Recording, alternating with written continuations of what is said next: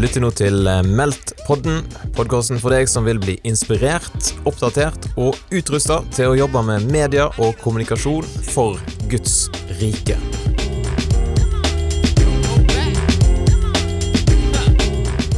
Da har jeg fått med meg enda en person opp i studio her på Meldt-konferansen. Og hvem er det som, eh, som, nå sitter her og prater i mikrofonen? Jeg heter Ingeborg Dybvik. Jeg jobber som kommunikasjonsdirektør i Den norske kirke. Og det har jeg gjort de siste drøye fire årene. Ja, Hvordan er det å være direktør? Det er jo kjempestas da, å være direktør.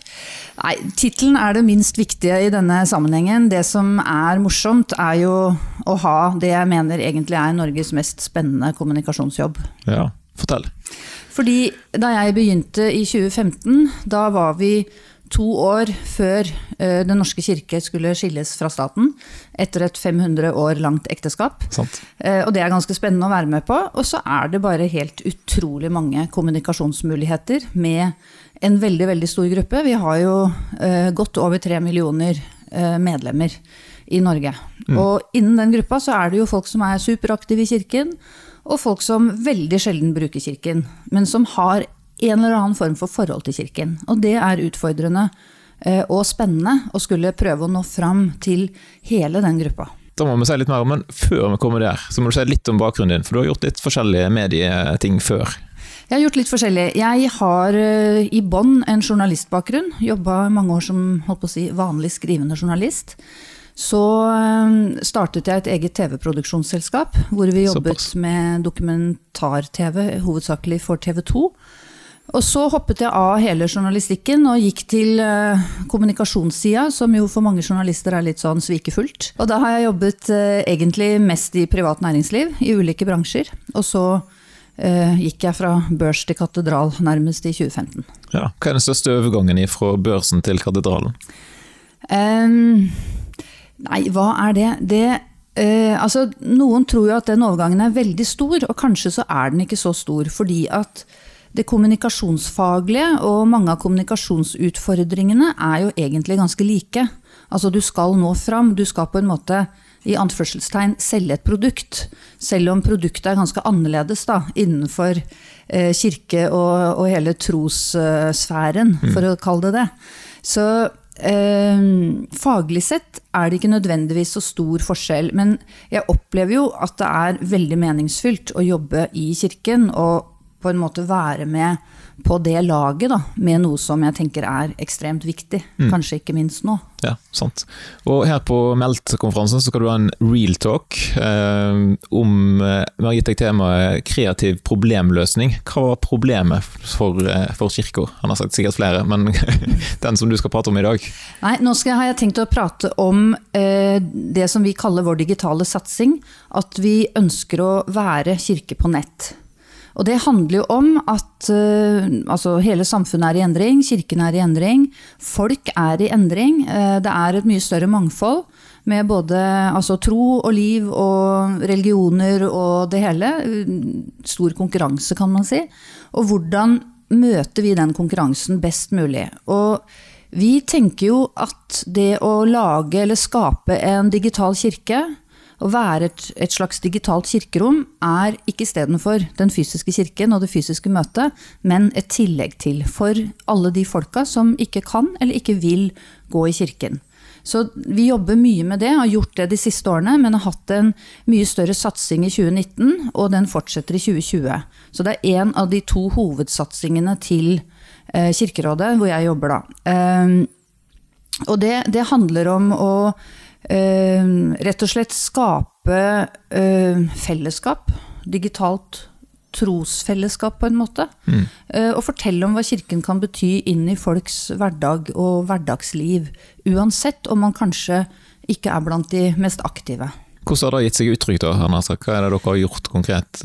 konkret um, ja, vi er jo, jeg tenker at vi nesten fortsatt er i startgropa, men vi jobber veldig bevisst med med både kirken.no, som er den nasjonale nettsida, og med ulike sosiale medieplattformer. Nå jobber vi mye med å, å få til mye større interaktivitet eh, enn vi kanskje har hatt.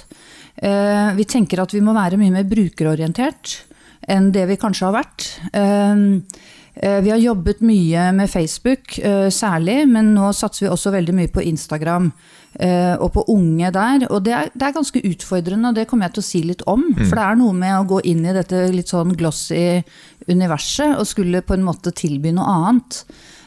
Samtidig så ser vi et stort behov. Vi ser jo at folk tar kontakt med oss via Messenger på Facebook og sier ikke sant, altså sønnen min er fire år, er han for gammel til å bli døpt? Ja, eh, hva er det egentlig å tro? Altså Spørsmål man kanskje før ringte til presten, eh, men folk vet jo, en del vet kanskje ikke hvilken menighet de hører til engang. De har et ganske distansert forhold, samtidig som de opplever at nei, vi vil faktisk være medlem, vi vil ikke melde oss ut. Vi mm. hører til et sted. Så, ja.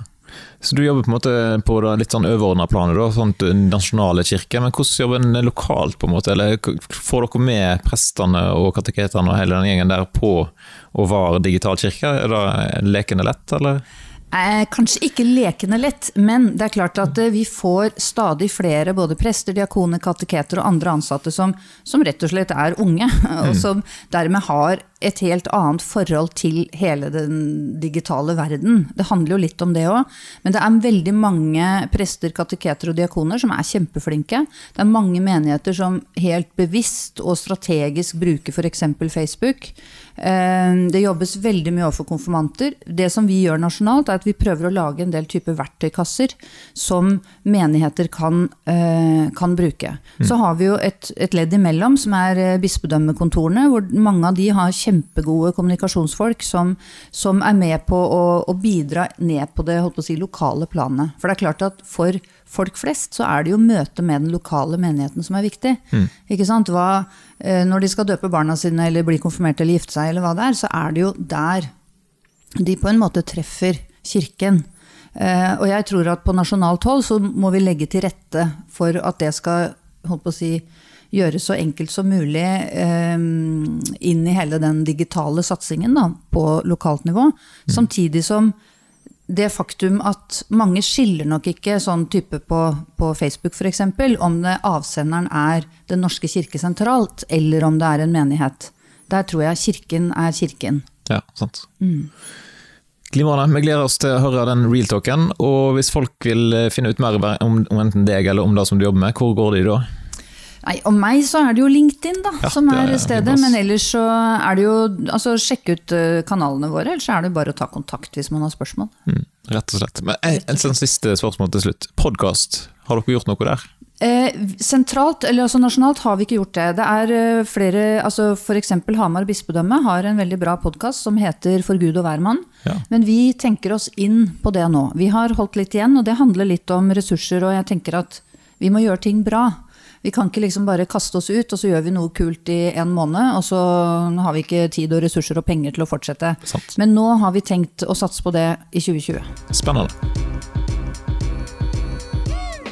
Da har du lytta til Meldt-podden, en podkast produsert av Meldt-konferansen i regi av TV Inter, Filadelfia-kirken i Oslo og Tro og Medier. Vi håper da at du vil eh, slå følge med oss i sosiale medier. Du finner oss på Facebook og Instagram. Søk etter Meldt-konferansen, så eh, kan vi kobles der.